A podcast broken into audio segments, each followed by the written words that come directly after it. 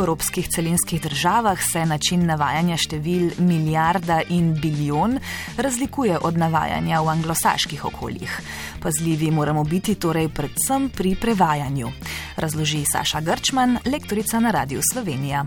So obstajata dva sistema, in torej tle, ne, v slovenščini uh, poznamo nekatere izraze, ki jih v anglosaških okoljih ne.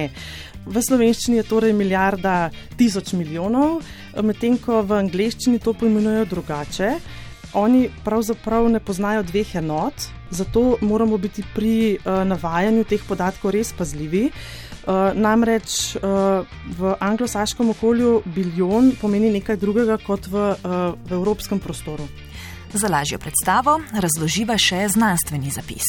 Uh, torej, v slovenščini ima milijarda devet ničel, a ne ta znanstveni zapis pravzaprav pomeni deset na devet, uh, medtem ko uh, v anglosaškem okolju ima pa bilijon devet ničel, torej pri njih je bilijon z devetimi ničlami, pri nas pa milijarda z devetimi ničlami.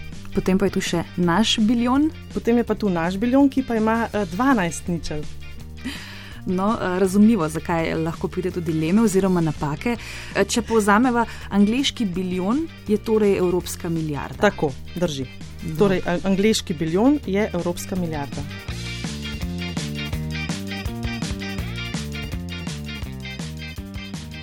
Zdaj pa še nekaj osnovnih pravil za zapisovanje števil. Kdaj jih moramo zapisati z besedo, kdaj s številko in od česa je pravzaprav to odvisno. Edino pravilo, ki pove, kako je treba pisati števila, ne, je pravilo, torej, da se od nič do 99 piše skupaj, da se stotice piše skupaj, potem pa razne kombinacije pa na, eh, na razen. Ampak v našem primeru ne, eh, je neko nenapisano pravilo, da se manjša števila, načeloma od 10, 11, nekje tudi 12, pišejo z besedo, preostala števila pa kar številko.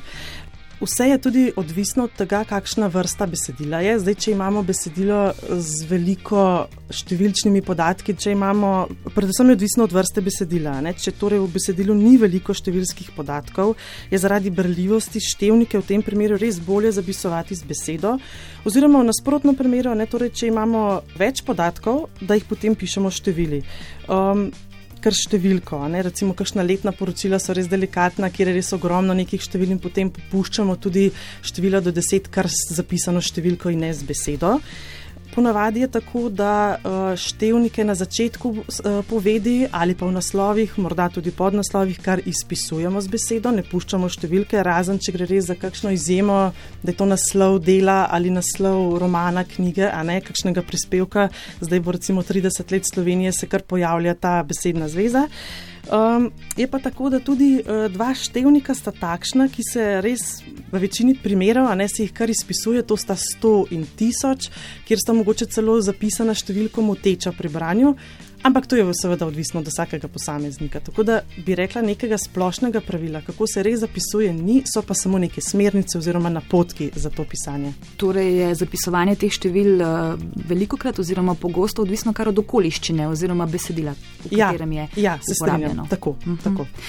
Zanimive so morda eh, prakse zapisovanja večjih številk. Poznamo recimo presledek, em, piko, pa da pojasniva, um, morda bo najlažje na primerih, kako recimo lahko s številko zapišemo 10 tisoč. Tu imamo torej eh, štiri ničle. tako. Kakšni načini zapisa? So? Um, pri teh večjih uh, številih, torej govorimo o številih večja od 10 tisoč nekje, a ne ta meja, uh, je res več možnosti zapisa. Torej, lahko je število zapisano skupaj brez presledka, lahko s piko, lahko je z nedeljivim presledkom. Uh, nobena od teh variant ni bolj pravilna ali manj pravilna, res pa je, da načeloma si vsako uredništvo oziroma uh, vsak posameznik izbere neko možnost, torej se za njo odloči in jo potem uporablja skozi celotno besedilo.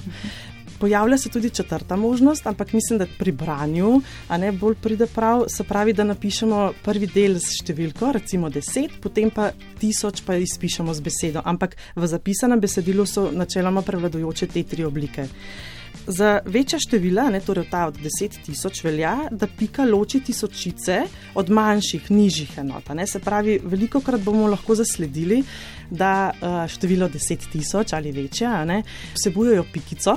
Ne, če lahko temu tako rečem, torej, da je uh, ena, nič, pika, nič, nič, nič.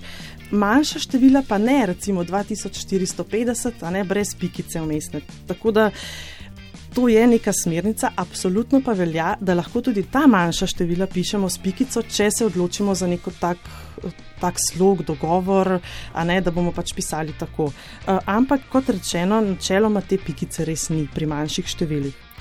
Zapomnite si torej število 10 tisoč. Števila manjša od 10 tisoč zapisujemo brez pike, števila večja od 10 tisoč pa s piko. Kakšna pa je praksa zapisovanja večjih števil, tistih, ki zahtevajo dve ali celo več pik? Pri teh je kar praksa, da se pika zapisuje, zato ker potem tudi lažje nekateri ozavestijo število kot tako in si lažje predstavljajo tudi dele. Torej, če recimo rečemo 2 milijona 560 tisoč 383, a ne v tem primeru, sta kar dve piki in si tako lažje predstavljamo, katere so više enote, manjše, nižje, a ne tako, da nam v bistvu zapis s piko lahko celo pomaga pri branju. Bolj pregledno je. Tudi pregledno. Je pa res, a ne to sem tudi že opazila, nekatera uredništva res eh, se odločajo za nedeljivi presledek in je potem pač eh, deluje, kot da je to iz treh delov sestavljeno, ne, ampak gre za isto število. No? Tako da je spet možnost izbire, ta pika je pa res, a ne nam pomaga pri dojemanju tega števila. Ne pozabite, da je pika v tem primeru stično ločilo. Ali presledek ali pika, nikakor pa ne oboje.